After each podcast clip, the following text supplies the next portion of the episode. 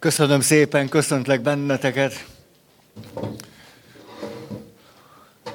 Hol tart bennetek a vágy tüze, a szenvedély lángja, megvan még? E, mm. Szabad lejjebb raknom? Minden tisztel asztalra? Le fogom onnan sodorni.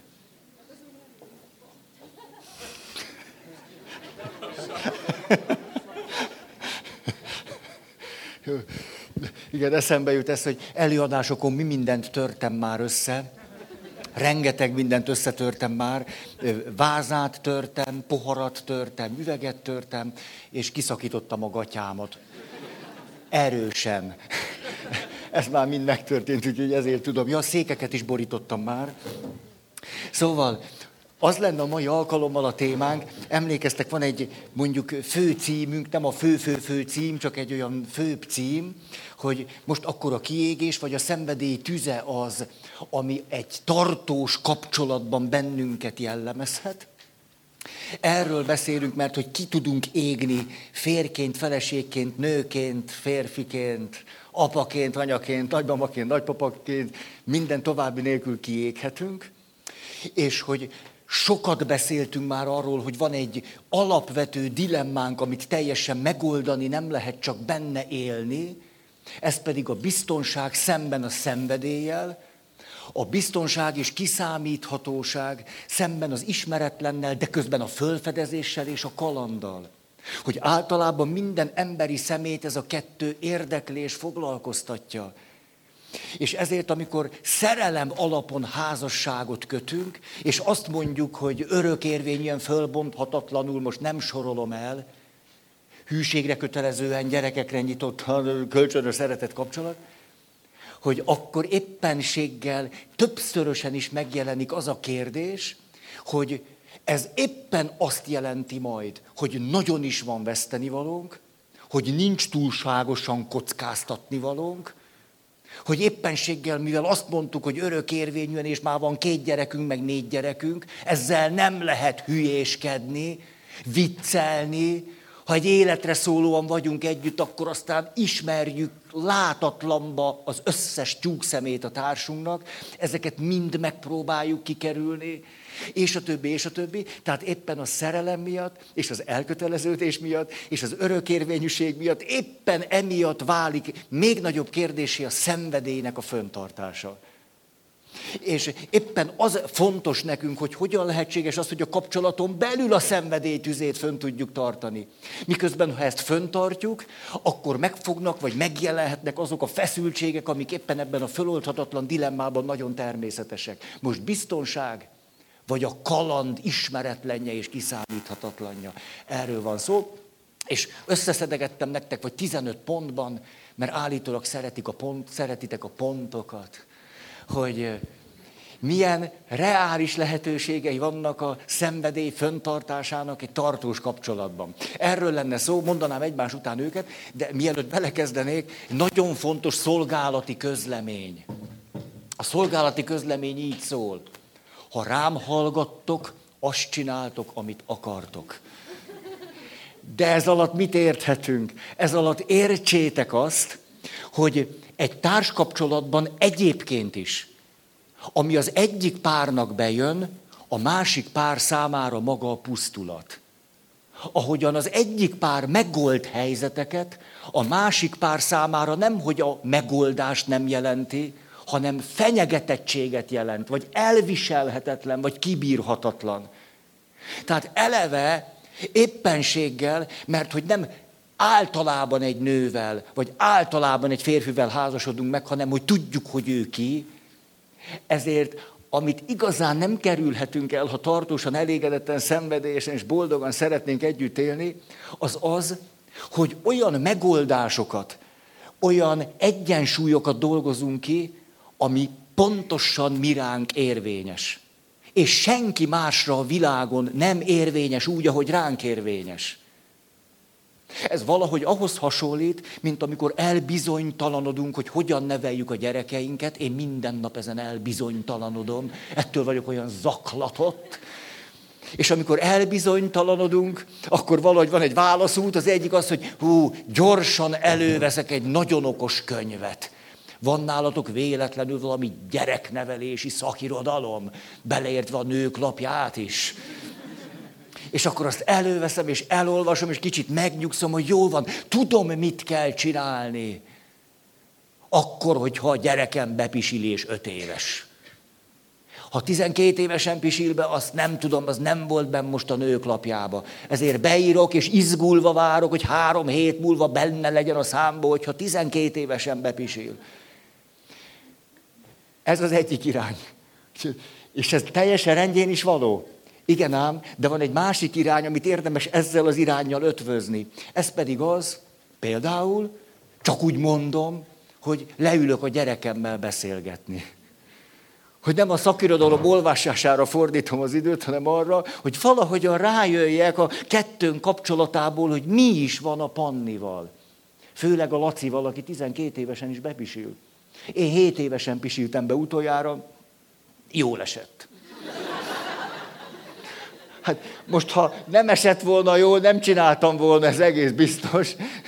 Már nagyon erős szükségét éreztem. Hát szorongó kisgyerek voltam. Nagyon szorongtam. És nem mertem kikéreckedni, a tanítóné nem mertem fölállni. Értitek ezt a szégyen?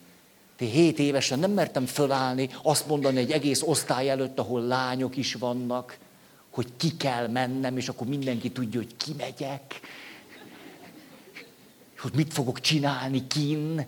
Ezt én nem mertem. És amikor vége volt az órának, pont valahogy abban a fázisban voltam, hogy nem kellett olyan nagyon, és az volt a gyermeki gondolatom a helyzet megoldására, hogy hazaérek. De ez nem bizonyult helyesnek. És körülbelül fél úton, na, a keravil előtt, ha ez mond nektek valamit, akkor még voltak keravilok. Hát igen. És emlékszem, hogy ott már elérkezett az a pillanat, hogy azt mondjam, most már jobb így, mint máshogy. És utána hazamentem, sőt nem is mentem, akkor futottam, és az megint a gyermeki fantáziám volt, hogyha futok, talán nem látnak. De most ezt nem akarom hosszabban mondani. Tehát éppenséggel mondjuk egy 6-7 éves gyereknél, hogy hát olyan sok minden miatt pisilhet be, és a szakirodalomban lehet, hogy pont a panni nincsen benne.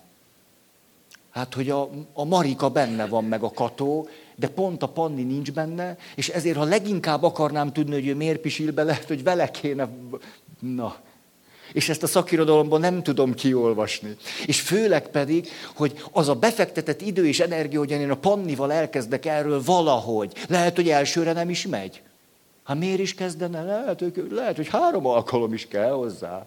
Lehet, hogy öt is, és közben nagyon kell rajta gondolkoznom. Lehet, hogy kifejezetten fárasztó lesz, és energiaigényes, és az az érdekes, hogy lehet, hogy a pandit pont ez ihleti meg. Hogy látja, hogy megint fontos vagyok neki. És használhatok akármilyen szakirodalmat, pont azt nem adom neki, amitől a helyzet változhatna. Ez az, hogy megtapasztalja, hogy figyelek rá. Hogy fontos, hogy számít, hogy észrevettem, hogy nekem nem mindegy, hogy ő hogy van hogy fokozott figyelmet, időt és mindent fektetek bele a vele való kapcsolatba. Ó, látjátok, ez a kettő nyilván nagyon jó, ha párba tud járni. Elmegyek szakirodalmat olvasni, de közben tudom, hogy a szakirodalom panniról szól. Vagy nem szól. És ezért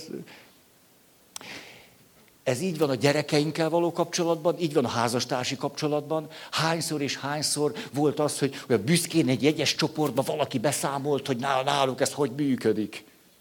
És akkor olyan kedvesen azt mondja másik párból valaki, hogy jó, hát két napot bírnánk így. Náluk az nem, hogy nem működik, hanem maga lenne a pusztulat, a rémület. A szenvedély tüzének a föntartása ugyanez négyzetre emelve. Tehát ami az egyik párnál pont eléri azt a hat,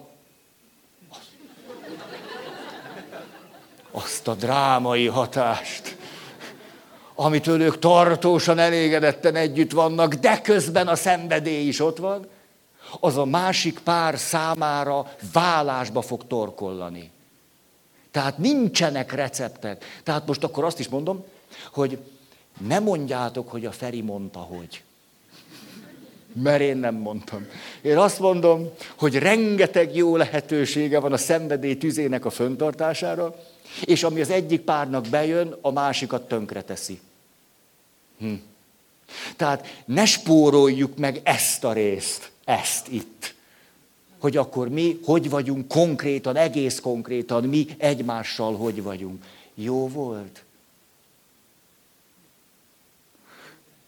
A madárt. Hol vagy te madárteljes?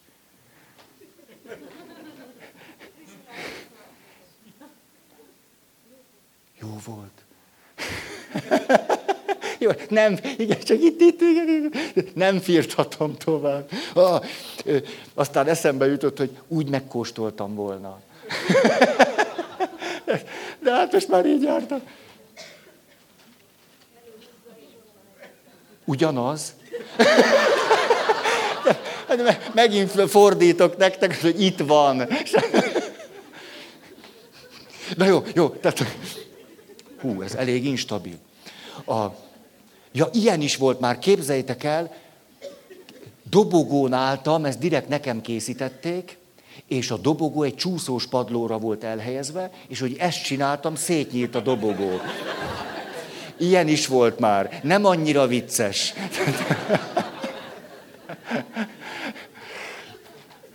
Szóval, szóval a szenvedély tüzének föntartásának lehetőségei valahogy úgy van, mint mondjuk van, aki szereti az erőset, és azt mondja, hogy egy kis erős pistát még bele, és van, aki lángolva menekül, és azt mondja, hogy ez szörnyű. Ah. Tehát vegyétek így, fogyaszátok így. Azt mondja, az első, az első lehetséges megoldás az, hogy valaki azt mondja, vagy valakik azt mondjátok, ezt nyíltan is tehetitek. Itt három lehetőség van. A szenvedély tüzének föntartása, hogy ez hogyan ágyazódik bele a ti kettőtök kultúrájába és kapcsolatába. Az egyik lehetséges dolog például, hogy rengeteget egyeztettek, és végül megállapodtok abba, hogy nekünk ez jó. Sok tapasztalat nyomán ez lepárlódik. Olyan is lehetséges, hogy éppen a szenvedély tüzét az is föntartja, hogy sosem mondjátok ki. Mind a ketten tudjátok, hogy a másik is tudja, de azt már nem mondjátok, hogy ez az. És ettől van benne valami izgalmas. Mert ha már kimondanánk, hogy mi így csináljuk, az megint egy szabály lenne, meg egy norma, hogy mi csináljuk, és az már nem olyan érdekes. De ha nem mondjuk ki, az érdekes. Nem lehet azért száz százalékig tudni, hogy ő is tudja-e. Ez nagyon izgalmas, én gondolom, hogy tudja meg, mindig van benne egy kicsi kockázat, és ez jó, de így csináljuk 30 évet, tehát valószínűleg tudja. De, de az áldott bizonytalanságot fönn kell tartani, mert az táplálja a szenvedélytüzét. Tehát olyan is lehet, hogy valami tudatos bennünk, de nem tesszük nyíltá. És pont ez nagyon izgalmas. És az is lehetséges, hogy se nem tudatos, se nem nyílt, csak úgy csináljuk.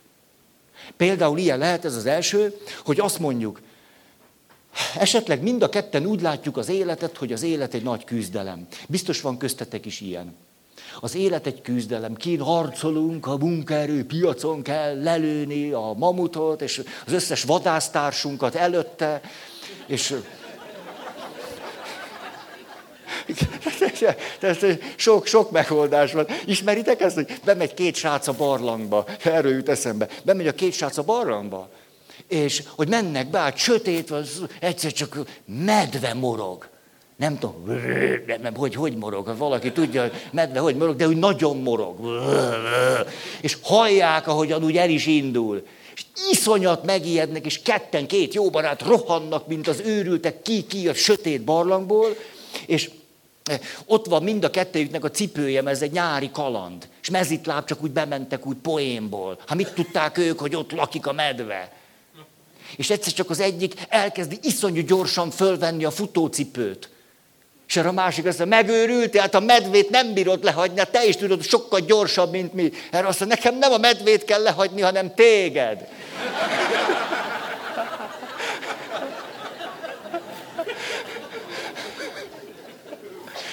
Ez nem egy kedves történet. De Jól mutat valamit az ösztönvilág nyersességéből. Amikor agytörzsből cselekszünk, amit lehet, hogy később megbánunk. Minden esetre minden esetre az első lehetőség, főleg ha úgy tudunk összekapaszkodni egymásról, hogy mind a kettőnknek az a család örökség, hogy a világ egy zord, hideg hely, bármikor mamutok és medvék támadhatnak ránk, a világgazdasági válságról nem is beszélve, az összes többit be, bele se kezdek, ezért, ha van valami, amiért érdemes megházasodni, és ilyenkor nem merek ugye senkire se nézni, pedig szoktam, ugye, hogy hát, akkor azért, hogy mi ketten kölcsönösen létrehozzuk a béke szigetét. A békét és a megnyugvásét, az oltalamét, az otthonét, ahol, ahol mi ketten végre az összes fegyverünket letehetjük. Nem úgy, mint Brad Pitt és az ő drága felesége, a Mr. és Mrs. Smithben. Az nem jó példa ide. De ha tudjátok, miről beszélek, az ellentéte pont idevaló példa. Csak ilyen filmet nem ismerek, mert ezt a történetet nem érdemes megfilmesíteni. Tehát ahol semmi nem történik velük otthon, ebből nem érdemes családregényt készíteni. Tehát az, amikor azt mondjuk, az egész világ zord és fenyegető, és, de mi otthon, akkor azt mondjuk, minket nem zavar, hogy a társkapcsolatban nincs szenvedély. Mert mi az összes kalandot, szenvedélyt, küzdelmet, ismeretlent és mindent odakint megélünk vastagon. Mikor hazajövünk, pont ebből nem kérünk. Köszönjük szépen. Ezért van szenvedély, de az mind a kapcsolaton kívül van. Szinte mind a kapcsolaton kívül. És ezért van egy hallgatólagos, hogy kimondott megállapodásunk, hogy olyan jó, hogy itthon anyukámozzuk és apukámozzuk egymást. És én behozom neked a rántottát úgy, ahogy szereted, a kis tojással, reszelten, sajtocskával füstöltel, mert pont úgy szereted, félig szottyossan. Nem tudom, hogy szeretitek. Megvan az a pillanat, amikor gyorsan le kell venni, mert különben már túl kemény lesz, és az nem. Úgy érezzem még, hogy úgy... És amikor ez úgy lecsorog, akkor ránézek a lábamra, és ott látom a mamuszkámat, amit tavaly karira adtál nekem. Nagyon örülök neki. Bárányszőr belseje van, melegíti a kis lábújacskáimat. És tulajdonképpen kicsit úgy egymást átkarolva megnézünk még 10-től 11-ig egy teljesen lényegtelen, hogy mit, mert nem is azért nézzük. Érezzük egymás melegét úgy, hogy még nem alszunk, de közben ott vagyunk egymás mellett, és, és átéljük, hogy érdemes embernek lenni. És közben néha egy-egy gondolatunkkal a következő napi küzdelmeknél járunk. És ez egy jó egyensúly valakinek. És valakinek meg egyáltalán nem. Tehát ez az első. Van szenvedély, de az egyáltalán nem a kapcsolatban jelenik meg, és ez mind a kettejüknek köszönik szépen, tökéletes. Második pont. Te sóhajtottál ekkorát? Hát csak egy ilyen nőt találnék, olyan rántottás mamuszosat. Megjelenik egy hirdetés. Rántottás mamuszos hölgyet keres. Mamutok vadászatában kifáradt férfi. Következő. Közös kalandok, új elfoglaltságok. A közös kaland itt akkor azt mondjuk, hagyjuk azt, hogy, hogy köztünk legyen ez a, ez a villódzó, kiismeretetlen, kiszámíthatatlan, szenvedélyes, az nem annyira jó, de az jó, hogy mi vált válnak, vetve élünk meg közösen, kiszámíthatatlan, ismeretlen, fölkavaró és egyéb dolgokat, ahol kalandok vannak, és ahol össze kell kapaszkodnunk, és ismeretlen van. Ezért évente háromszor elmegyünk raftingolni. A, ha idősebbek vagyunk, nem raftingolunk, hanem befizetünk egy útra. Most majdnem azt mondtam, ibusz út, nem tudom, van-e ibusz. Van még? Van. Hát ez döbbenetes. Vannak ilyen igazi túlélők. Hát akkor együtt befizetünk valamilyen útra, és az miért érdekes? Mert azt az utat elkezdjük együtt tervezni. Vagyis a fantázia megjelenik. A fantázia, amiben semmi fenyegető nincs, de nem is kell kontrollálni, akkor de mi lenne, ha ezt csinálnánk, és azt csinálnánk, és szabad tévedni, és szabad rossz irányokba menni, és azt mondom, nem ez a mégse, és újra tervezni, és más utat kitalálni, és egyszer csak hozni valami tök-tök mást, és na. És mikor ott vagyunk, akkor nem tudjuk, milyen a szálloda, Hát mit tudjuk, milyen ez a szálloda. És ott megyünk, és felfedezzük a szállodát, és keresitek a csótányokat, hogy vannak-e. És ha vannak, még izgalmasabb. Nagyon, akkor hogy küzdünk meg ott a csótányokkal, az elemekkel, a sirokkóval, vagy a borával, és az összes többivel, és, üt, és, és ahogy bejönnek ezek az irgalmatlan, benga nagy szúnyogok, akkor együtt nekiálltok a papucsal, mert persze papucsot visztek, hát, hát jó a kaland, de papucs kell, és akkor de ilyen lehet az, amikor ez nem évente háromszor van valami útformájában, hanem valahogy évről évre kitaláltok valami közöset. Fölfedezitek együtt a kocogást. Van, akik fölfedezik a kocogást. Ez milyen, tök izgalmas, akkor új helyeken kocogunk, akkor abba hagyjuk, akkor elmegyünk, nem tudom én, fitness terembe veszünk egy bérletet. Személyi edző segítségével fölfedezzük, milyen a futópad jó, ezt nem is akarom ragozni. Elmegyünk együtt jogázni, elmegyünk együtt valami művésztáborba. Nem tudok egyetlen se rajzolni, fe, se festeni, tehát ez kaland. Mi lesz ott, hogy bírom ezt ki? Tehát közös, de új időtöltések és elfoglaltságok, amelyekben együtt a biztonságot éljük meg, illetve amikor valami fenyegetettség, vagy ismeretlen, vagy kihívás van, akkor számíthatunk egymásra. Tehát izgalmas módon egyszerre jelenik meg az elköteleződés és az egymásnak adott bizalom és megbízhatóság, de közben ott van a kaland és az ismeretlen. Ez egy jó elegy valakiknek. Másoknak pedig mondja, jó van, persze, hogy csapkodom papucsal szúnyogot szerinted, de e, e, ez, ezért házasodtam. Főleg a szex helyett csapdossam a szúnyogokat. Kösz szépen. A harmadik lehetőség időszakos távolságok. Vannak, akik eleve úgy házasodnak. Ha-ha. Azt mondják, emlegettem nektek ezeket a kedves ismerőseimet, eljöttek a jegyes csoportba, és az utolsó előtti alkalommal egyszer csak kiderült, hogy tulajdonképpen a férfi hajós, fél évekre nincs tengerjáró hajó. Hát az fél év, nem úgy, hogy hazaugrik. Fél év. És akkor én bennem fölmerült egy kétel, hogy ezt hogy fogják akkor csinálni. Ha fél, fél évig nincs ott, ez, ez hogy lesz? És képzeljétek el, hogy elpirult a menyasszony. Na ez még jobban kételyeket ébresztett bennem. Mert akkor nem tudtam, hogy miért pirul el. És akkor már volt egy bizalmi légkör köztünk, és azt mondja, hogy hát a Dezsőm tudja ezt, különben talán nem is mondanám, de én úgy szeretem, mikor ő megjön ezekről az utakról, hogy, hogy egyre jobban várom, és már tervezem, hogy itt lesz, hogy mennyire jó lesz együtt. És úgy szeretem, mikor elmegy. Hogy ez az asszony mind a kettőt szerette. Akkor is, ha elmegy, és a, és a távollétben is ő köszönte, jól volt. Akkor vágyakozott a férfi után, de ha ő neki egy olyan férfivel kellett volna élni, aki mindig ott van, az pusztulat.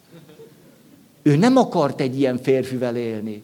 És a férfi hihetetlenül hálás volt a nőnek, hogy nem azzal fogadja, hogy mikor hagyod már abba ezt.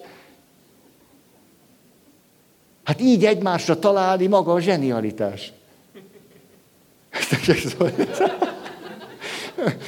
Szóval, a távolság, tehát úgy is lehetséges, hogy eleve bent van a kapcsolatban. Eleve, eleve úgy csináljuk, hogy az bent legyen. Hogy te mondjuk egy művész vagy. Na, művészek jelentkezzetek. Nem kell, nem kell, nehogy... És ezért te pontosan tudod, hogy megy a szekér, és akkor psz, 25 külföldi koncert. Egy hét, két hét, fesztivál zenekar. Vagy MÁV szimfonikusok. Az egy örök túlélő, nem? Van még MÁV szimfonikus? Na tessék. Tessék, és tűzoltó zenekar?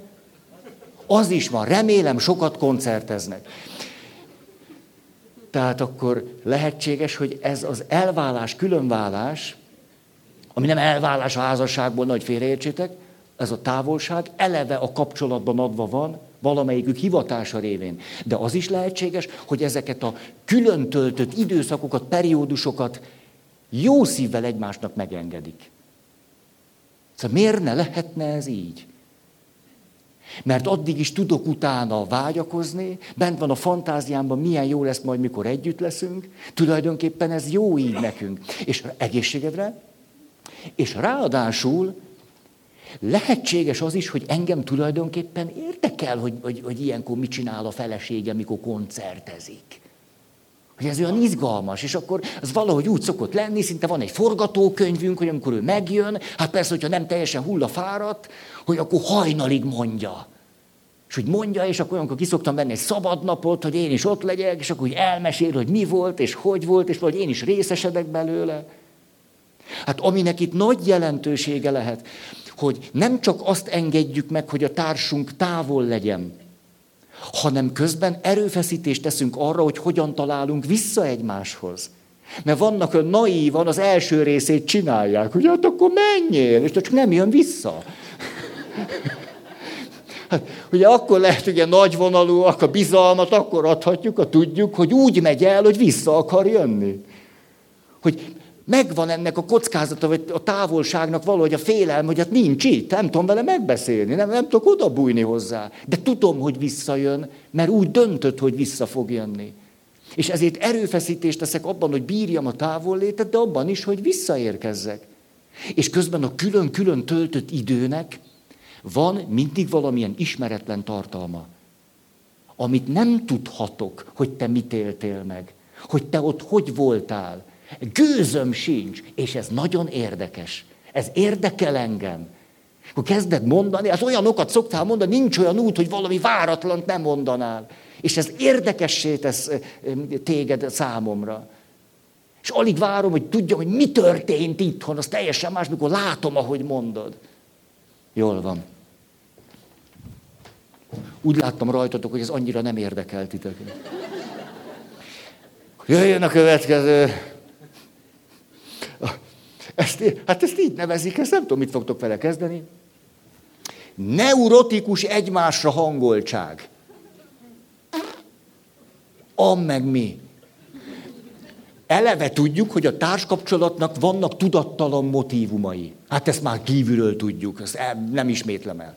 A, a tudattalan motívumok, egy, motívumok egyike, hogy a sérültség a sérültséghez vonzódik, de nem akármilyen sérültség az akármilyen sérültséghez, hanem annak megvan a maga belső logikája, hogy ez a fajta sérültség szívesen vonzódik ahhoz a fajta sérültséghez.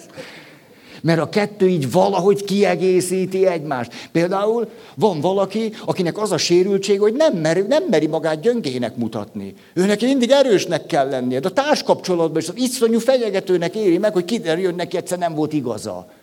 Ugye az a férfi, aki soha nem ismeri be. Vagy az a nő. Na, ne legyünk részrehajlóak. Miért van ez? Egyszerűen úgy érzi, hogy meg fog semmisülni, ha egyszer be kell látnia, hogy valamit nem tudott jól. Ő ezért soha olyat nem mondana, hogy bocsáss meg, elrontottam. Mert az neki a halál. Ez egy neurotikus tündi bündiség, és mondjuk ez a valaki, aki, aki mindig, ő, neki mindig ő, erős és ő domináns.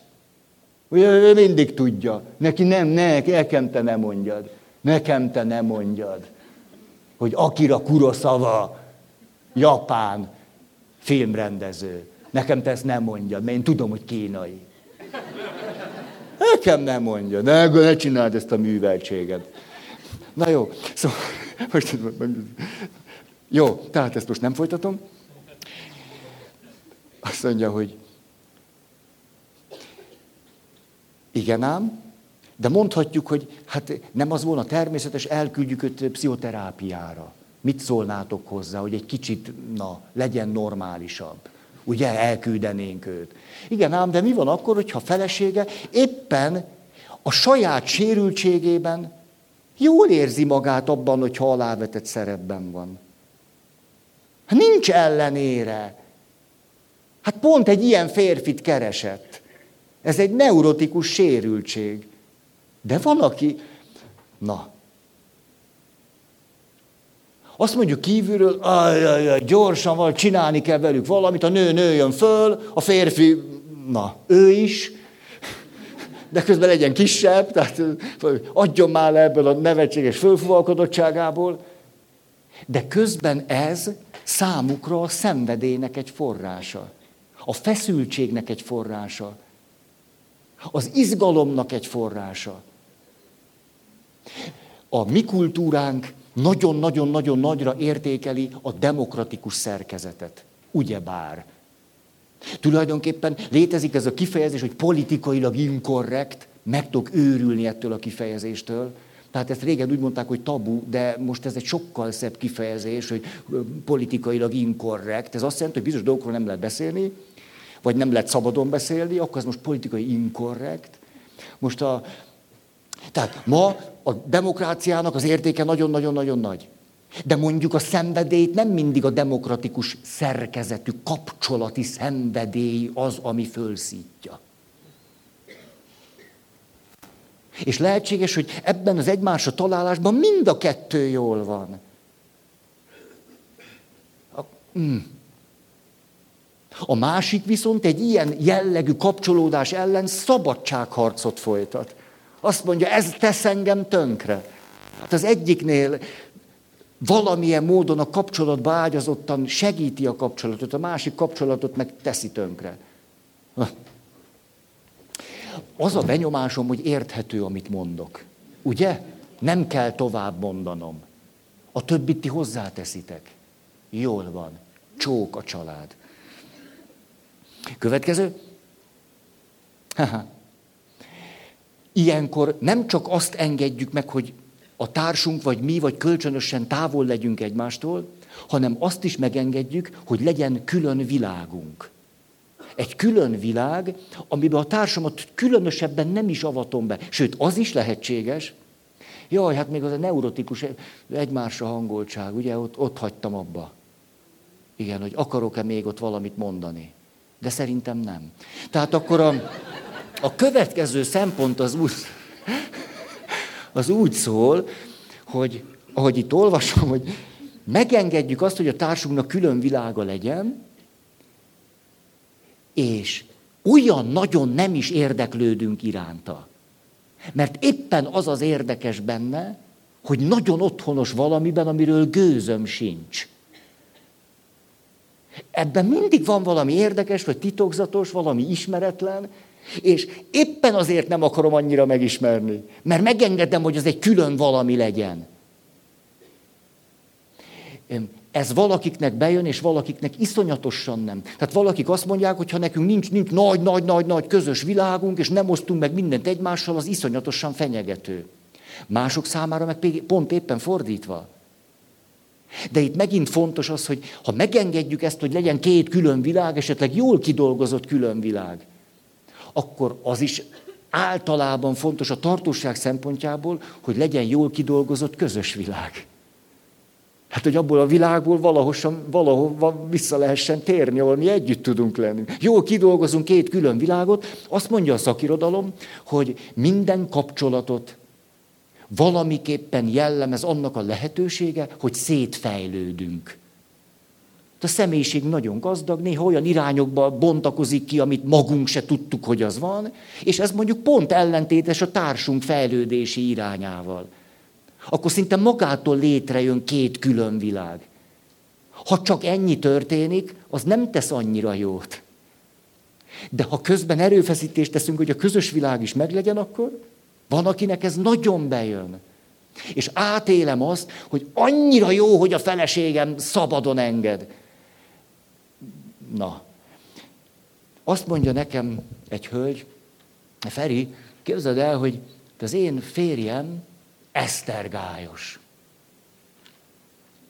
És a férjem, akkor már 8-10 éve tolta, azt mondja, hogy te, Gizi, én egyszerűen megőrülök már e, e, az Eszterga gépnek a zajától, hogy ben vagyunk ebben a nagy őrületben, és ott, ott nem egy ilyen gép van ott. Hát ott nem tudom, hány gép, és ezek zakatolnak, és megőrülök ettől. Ne, ne, e, hogy ezért nekem muszáj elmennem pecázni. Pecázni kell. És a férfi kitalálta, hogy azért, hogy ne őrüljön meg az Eszterga gépeknek ettől a folyamatos napi nyolc órás zakatolásától, hetente legalább háromszor elment pecázni. Olyankor nem volt otthon. Ugye ez, csak mondom, hogy mi a következménye. A feleség éveken keresztül ezt nagyon-nagyon nehezen élte meg. Mert fenyegetőnek találta. Úgy érezte, hogy akkor eltávolodnak egymástól, a férfinek van egy külön világ, ő sosincs ott, hát ő nem is szeret pecázni, hát nem fog ott ülni, most minek üljön ott? Hát mit? Hát a férje nem normális, hát öt fogba kimegy pecázni. Hát és akkor végül ezt mondja nekem ez a nő, az volt egy nagy fordulat, mikor meg tudtam engedni, hogy a férjem ezt hagy csinálja. És tudtam értékelni, hogy ez így van. Hogy tulajdonképpen, ha ő jól van emiatt, akkor jól van velünk is, és akkor szívesen van velem, amikor otthon van. És ha én engedem őt, akkor meg lehet vele tárgyalni, hogy mondjuk melyik nap nem menjen pecázni. Tehát akkor azt is megélem, hogy számíthatok rá. Na, tehát külön-külön világ, akkor, ha van közös világ is, ahova vissza tudunk térni. Következő, ha, John Lennon és Yoko Ono. Közös tevékenység. Főleg esetleg közös művészi tevékenység. Valami közös inspirált tevékenység, ahol megéljük együtt, hogy valami születik és valamit alkotunk. Biztos, hogy ismertek művészházas párokat. Ilyen van.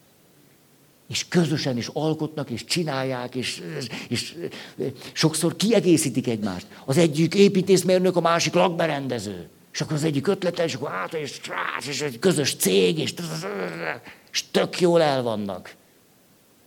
És a közös alkotó tevékenységben élik meg az ismeretlent, a szenvedélyt, a kutatást, a fölfedezést, a kudarcot, de hogy közben attól nem kell tönkre menni. Ha? Tisztelet John Lennonnak. Következő. Ha ilyen is van. És ez nőket nagyon szokott izgatni. Ez pedig az, hogy amikor az egyik félnek van valami nagyon erős hivatása, és a másik nem szívesen vállalná ezt a nagyon erős hivatással együtt járó összes mindent, se a kockázatát, se a fáradtságát, se, se, se, de szívesen alá dolgozik a társának. Ezért részesül a szenvedélyéből, részesül abból, hogy ott kalandok vannak, és megpróbáltatás van, közben azt is megélő, hogy rá mekkora szükség van, hogy férje az a, hát ő, ő az a nagy ember, de attól olyan nagy, hogy én főzök rá. Nem főznék éhen deglene. Attól olyan nagy, hogy nekem mondja esténként, és én teszem őt helyre, csak olyan kedvesen. És ami sok nő számára nagyon izgalmas, azt megélni, hogy a férfi néha ezt csinálja, hogy a nő szárnyal, és a férfi dolgozik be. Ez nagyon inspiráló tud lenni sok nő számára. Olyasmi, ami fokozza a szenvedélyt. Következő. Ez fog nektek tetszeni, vagy nem.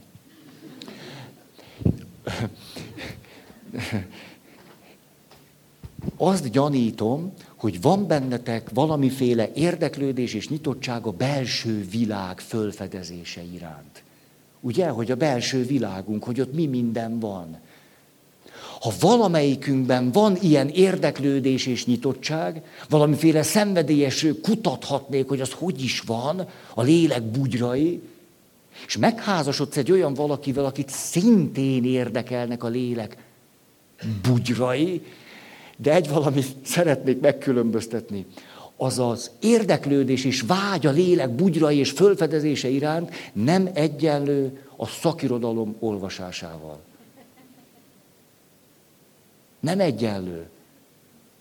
Egész más, amikor valakiben van egy, van egy izgatottság, hogy tulajdonképpen mi, mi van itt benn. És egész más, amikor valaki tudni akarja, hogy most már mondja meg valaki, hogy most ez hogy van. Az más. És látok sokakat, persze ez számomra nagyon közeli, akik egyrészt a saját belső világuk fölfedezésére szánnak sok időt és energiát, ebből mindig új dolgok származnak, és ezt megosztják a társukkal. És az egy nagyon izgalmas kapcsolódás lehet, hogyha a társuk is így jár el. Ezért esténként, két naponta, négy naponta mindig van valami izgalmas téma. Te képzeld, tudod, mit éltem meg? Hát ilyen még nem is volt velem. Hogy azt éltem meg, hogy sose izgultam, hogy, hogy nem jön a születésnapom, és képzeld el, most eszembe jutott, hogy, hogy jó, hát, tehát most már 50 éves leszek. Ez milyen érdekes.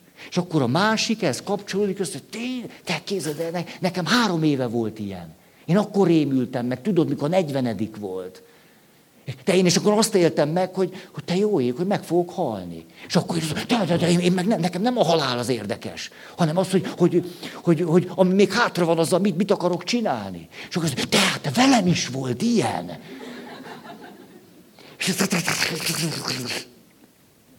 Ez az egyik verzió. Ez kiegészülhet egy másikkal, vagy lehet egy másik, hogy nem külön-külön a világunk nagyon érdekes, hanem az, ami köztünk van.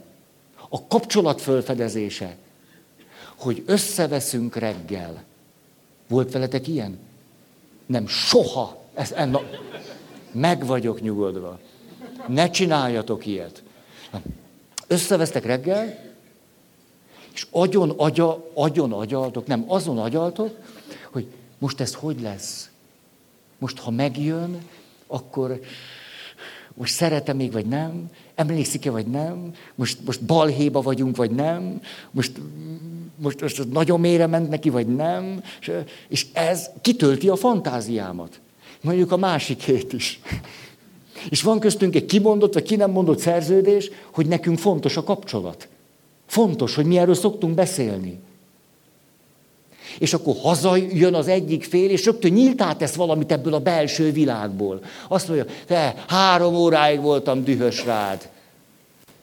Én azt mondom, hú, te én meg, én meg nem tudom, én meg úgy, a bűntudatom lehet, hogy tényleg lehet, hogy durván mondtam. Azt mondja, nem, nem, nekem nem, az, nem, nem azt éreztem, hogy durván mondott, hanem hogy nem figyelsz rám. Azt mondja, de hogy ne figyelnék rá? Tehát képzeld el, tulajdonképpen ezen agyaltam egész nap, hogy ú, most, most mi van veled. Itt akkor van kaland, van fölfedezés, van ismeretlen, van szenvedély, van kockázat, van félelem, és, az, és közben annak a megérés, hogy mi mennyire összetartozunk egymással. Hát, hogy fontosak vagyunk. Na. Van, akinek ez egyáltalán nem jön be. Azoknak a férfiaknak például, akik nem szeretnek a belső világukról beszélni. Ugye a nehézségek ott szoktak előkerülni, amikor az egyik félnek nagyon bejönne valami, a másiknak meg egyáltalán nem. Nekem nagyon izgalmas lenne egy külön világot csinálni, és én visszatérnék a közösbe, de a társam ezt fenyegetésként éli meg. És nem szívesen engedi meg. Következő. Nézem az időt. Jaj. Ó, na jó.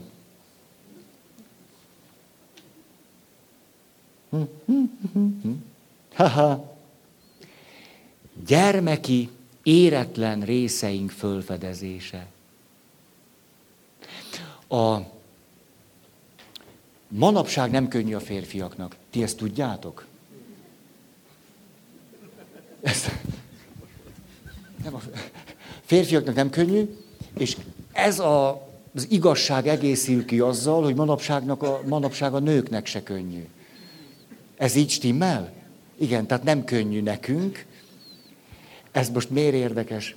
Mert például nők nagyon szerettek esténként kommunikálni. most direkt nem a beszélgetés szót használom, mert a kommunikáció egy sokkal tágabb. Tehát lehet, hogy te veszekedni szeretsz, vagy dühöngeni, vagy megsértődni, de hogy valamit kifejezni abból, hogy van köztetek még valami. És tulajdonképpen te ott meg tudod magadat nagyon szabadnak élni. Ott szabad, mert mondod. Ott megengeded, és, és, és csinálod, és összetöröd, és ordítasz, és... Nagyon sok férfi ezt a ritmus nem bírja fölvenni. Tehát te neked önmagad kifejezésének, szabad és spontán megélésének a beszéd és az azzal való kommunikáció egy nagyszerű tér. Ezért egy, egy két órás esti menet egészen föltölt. Megérzed, hogy na, nem csak a korlátok vannak, és nem csak az elköteleződésnek a kiszámíthatósága, hanem na, van itt aztán ismeretlen. Ha magam se gondoltam, hogy ezt gondolom. De most már ezt kiabáltam, tehát akkor csak belőlem jött ki. Mondjuk nem gondolkozok el rajta, mert így még izgalmasabb. Hát ne, ne, nem olyasmit szoktunk egymásnak kiabálni, amit jól megfontolunk, ugye? Tehát ott olyan izgalmas, egyszer csak kimondta, hogy te...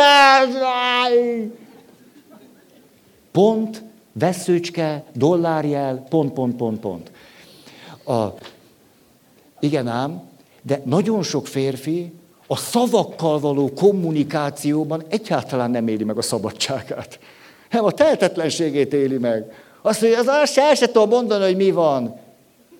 Hát, férfi társaim, na, álljatok mellém. Hogy, hogy ne, ne, nekem nem ez a világom, nem az a világom, hogy iszonyú árnyaltan elkezdjem mondani, most a lelkembe azt éreztem, hogy de ez az ötödik réteg, egyébként az ötödik réteg, az első négy réteg, tud, van ez az üzé, akkor a szerep személyiség, és akkor a, a személyes tudattalan, és akkor leérek a kollektív tudattalannak a felső részére, na ott, ott, ott szokott ez lenni, nem tudom, te hogy vagy vele, Rita? Ugye? Nem olyan sok ilyen férfi van. De, azt mondja, de hagyjál már engem, hát ne, ne, ne, nem tudom.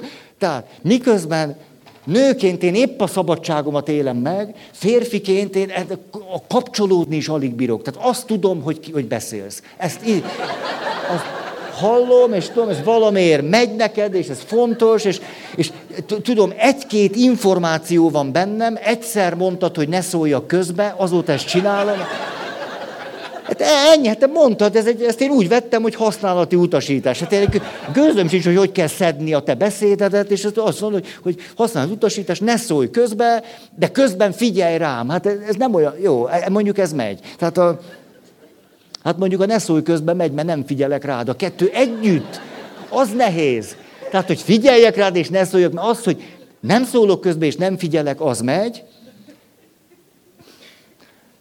Na jó, és hogyha azt kérdezett tőlem, hogy itt vagy még, hogy akkor ne azt mondjam, hogy itt vagyok, mert hogy azt te is tudod. Jó, hát, de akkor miért kérdezi egy nő ezt, hogy itt vagy-e még? Ezt nem értem. Nem, nem, nem, egyszerűen a nőket nem értem. Miért, miért kiabálja azt, hogy itt vagy még? Hát, de hát nem értem.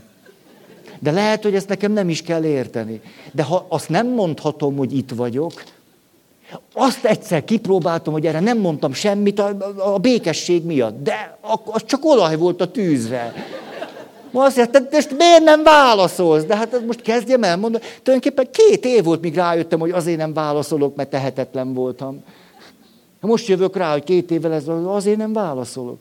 És úgy érzem, hogy nem tudok olyat mondani, ami majd jó lesz neked. Akkor inkább nem válaszolok sem.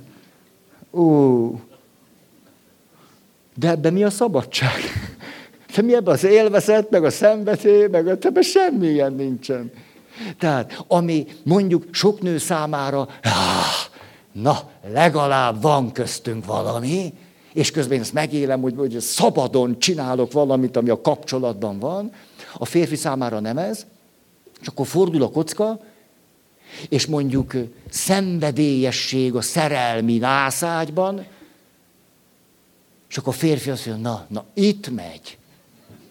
Tehát itt van nekem erezdel a hajam. Itt, itt, itt én szabad tudok lenni. Itt jön a gyermeki regresszív részem. Ezt sosem mondanám így, hogy gyermeki regresszív rész, mert éppen szeretkezünk, de ezt nem tudom, a pszichológusok mindig ilyen hülyeséget mondanak, hogy szépen a gyermeki regresszív részemben vagyok, ezt nem, na jó, hagyjuk, hagyjuk. Nagyon sok férfi, nagyon sok férfi szinte az egyetlen terület, ahol az a fajta gyermeki, önfelett, játékos, a szónak jó értelmében vett felelőtlenség. Jó értelmében vett felelőtlenség. Ez mit jelent? A gyermeki felelőtlenség, nem a felnőtt felelőtlenség, mert ő egész nap avval a felelősségével él, és 64 évesen meg fog halni Magyarországon. Hát mondhatjuk, hogy felelőtlen, mert az.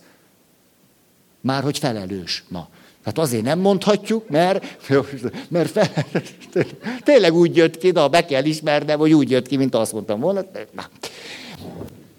Tehát ő egy felelős férfi, de ahol megengedi a gyermeki felelősség előtti világot, ahol még nincs felelősség. Mert apa van, meg anya van, és ők meg meg, és a gyerek meg semmi megy.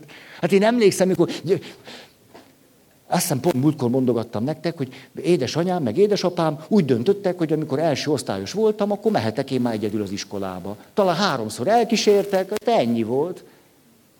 És hogy, hogy milyen rendszeresen nem mentem haza. És akkor megvoltak ezek a húzd meg, erezd meg.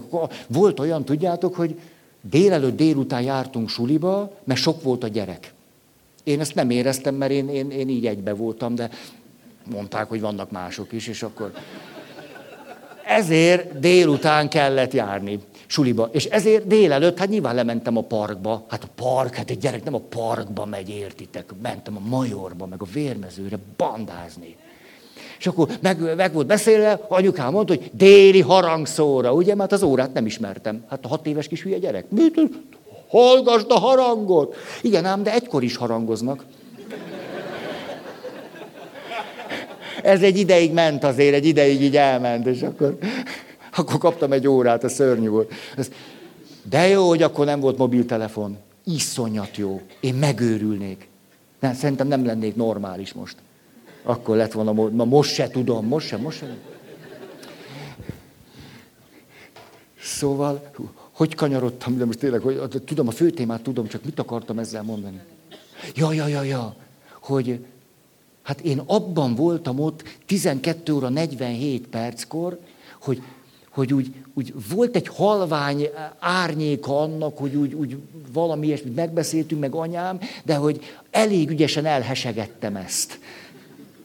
És átadtam magamat az együgyű futballjátéknak, ahogy egy testnevelő tanárunk emlegette, mert ő atléta volt. Szóval az a fajta felelőtlenség, ami a gyermeket jellemzi, amikor tulajdonképpen még nem is nagyon kell annak lenni. Az a kisgyerek, aki ezt nem, hát más tartja őt, ő pedig hát, hát, csodálkozik a világra, és akkor néha nagyokat esik.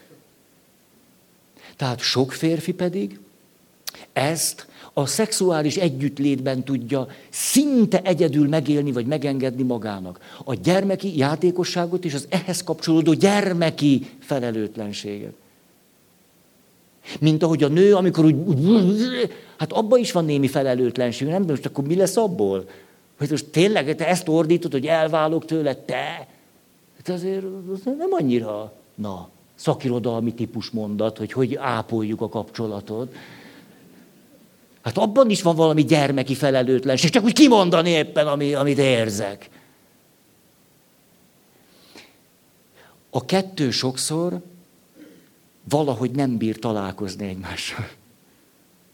És akkor elkezdődik egy nem túl jó dinamika, hogy az egyik azt mondja, én nem csinálom addig ezt, amíg te nem csinálod azt.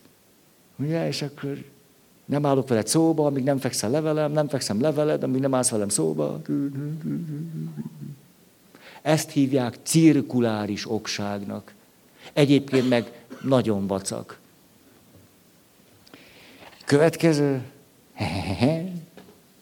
Szerep gazdagság kölcsönös megélése. Hogy sokféle szerepben lehetünk. Ugye a családban kiosztódnak a szerepek. Ott van a férfi, ő megbízható. Egy kicsit mindig hideg is. Ugye hát úgy tudok megbízható lenni, hogy a szenvedély nem ragad el. Tehát a édesanyja sír, gyerek bepisil, másik gyerek lerágja a körmét, apa áll a gáton.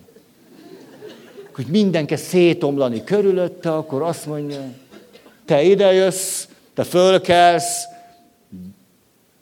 megfogod a kezem. És egyszer csak úgy minden elrendeződik, és a habok elcsitulnak, mert apa ilyen.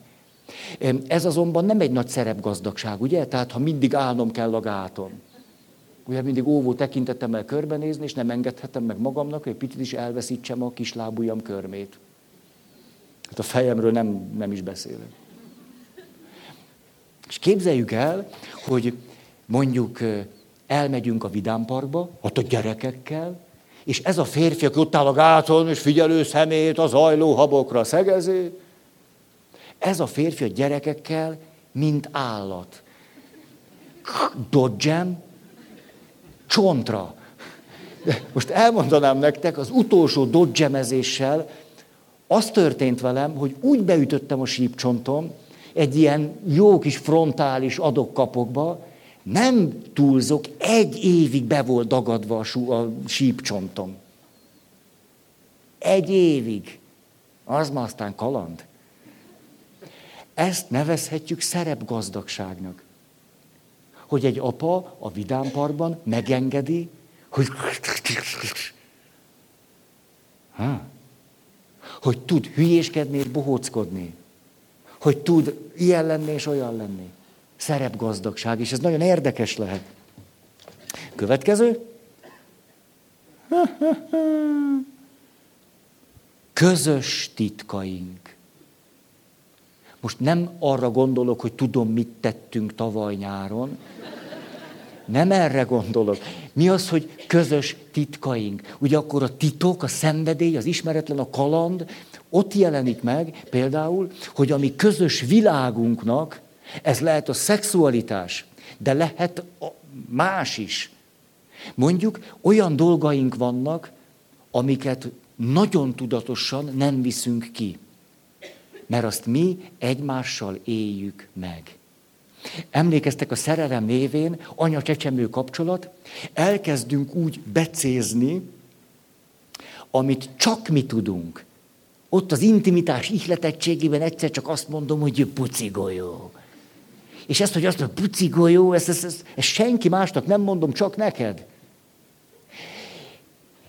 Olyasmit is megengedünk magunknak, mikor együtt vagyunk, amit soha nem teszünk nyíltá kifelé.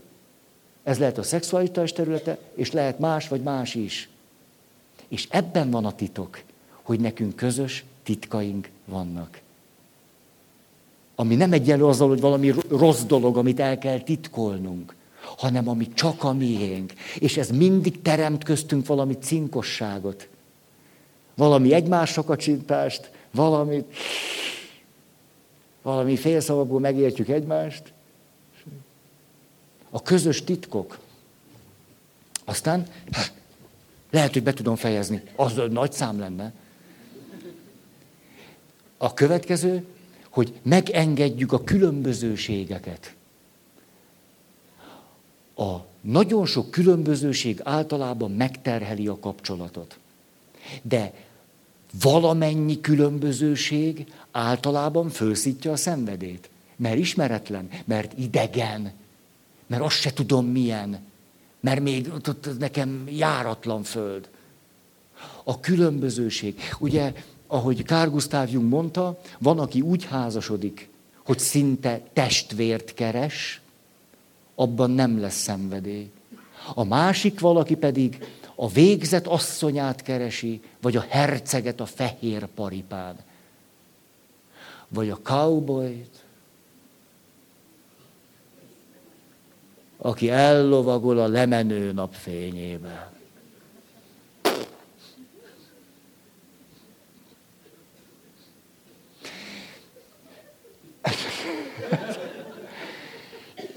És a kettő egészen más dinamikát hoz, és minél inkább a, a lemenő nap fényét választjuk,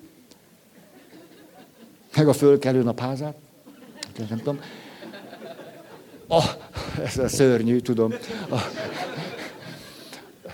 a, annál inkább lesz a kapcsolatban kiszámíthatatlanság.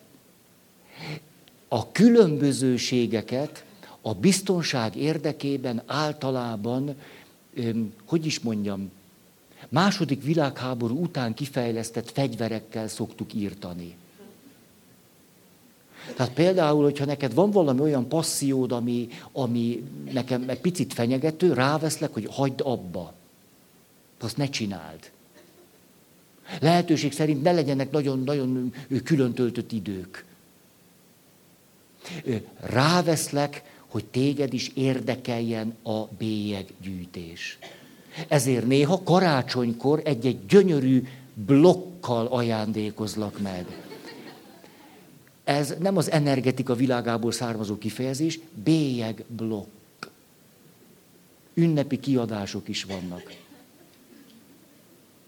Úgy hívják őket, hogy postatiszta. A postatiszta bélyeg blokk arról ismerszik meg, hogy a hátulja fényes, ragacsos anyaggal ellátott, és föl lehetne nyalni valahova. De egy postatiszta blokkot senki nem nyal föl sehova, mert azt nem erre készítik, hanem azért, hogy Dezső megvegye. Tényleg. De, de általában ezt a postatiszta blokkot nem azért készítik, hogy Dezső megvegye a feleségének. De Dezső megveszi a feleségének. Hogy azért, hogy ő is vagy vegyen részt. Jó, persze vannak okos asszonyok, akik ettől kezdve a baráti társaság összes levelét elkérik. Azokat leáztatják, ügyesen lenyomtatják, a mivel itatóssal, de, de amikor már nem olyan nedves, hogy egyébként az egyszerű papírra rászáradna, akkor pedig, de az újságpapír előtt van egy fázis. Mert ha hagyom, hogy megszáradjon az újságpapíron, hullámos marad. Ilyen, na, na, révai nagy lexikon. Akik egy kicsit a könyvet is szeretik, mindig a két pótkötet közül valamelyikbe teszik bele a bélyeget. Látom, ez a téma nem annyira hoz bennetek elő szenvedélyt, de ez jól mutatja azt, hogy mennyire meddő vállalkozás erre rávenni a társunkat. Következő, közös játék és küzdelem. Közös. Na, ezt sokféleképpen csinálhatjuk. Például házaspár vasárnaponként, miután a az ebédet megették, ami nagyon finom, ilyenkor történik az, hogy a vér az agyból lemegy a gyomorba, majd a hasba, a belebe, belegben kezd el egy kicsit pangani, de ahogyan ez az időszak véget ér, már alkalmassá várunk a bridge partira. Az ulti partira. Esetleg nekiállunk társasozni, és ott megéljük a szenvedét, de nem csak a szenvedét, hanem ott olyasmit engedünk meg magunknak, amit az életben sehol. Tehát például hármas dobok, egy, kettő, három, te is ott állsz, sárga mező, és ezzel a mozdulattal így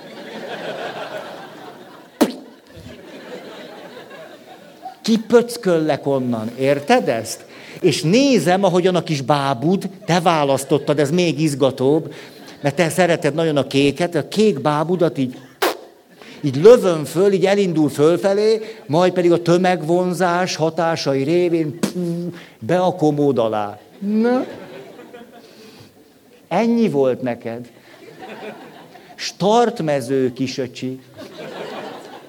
Tehát olyasmit engedek meg, amit egyébként egyáltalán nem engednék meg. És ehhez szóba se jön.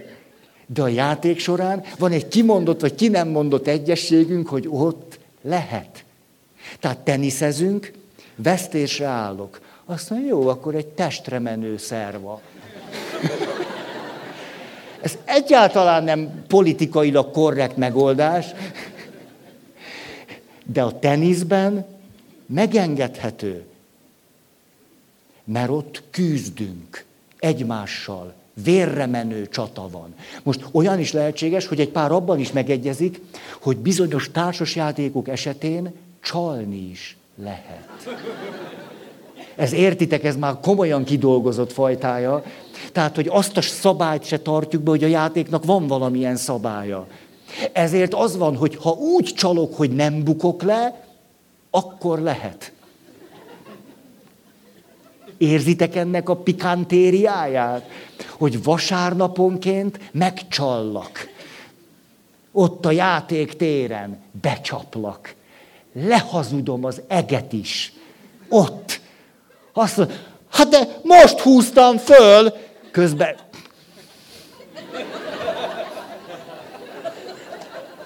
Mondom, hoznám még egy kis pogit? Egyszer csak kiderült, hogy volt egy másik pakli. Érdekes módon lebuktál, meg két piros ász van. Szóval játszunk, küzdünk, ez lehetett.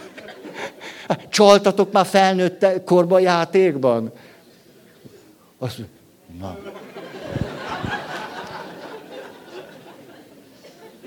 Azt hiszem, eljött az imádság ideje.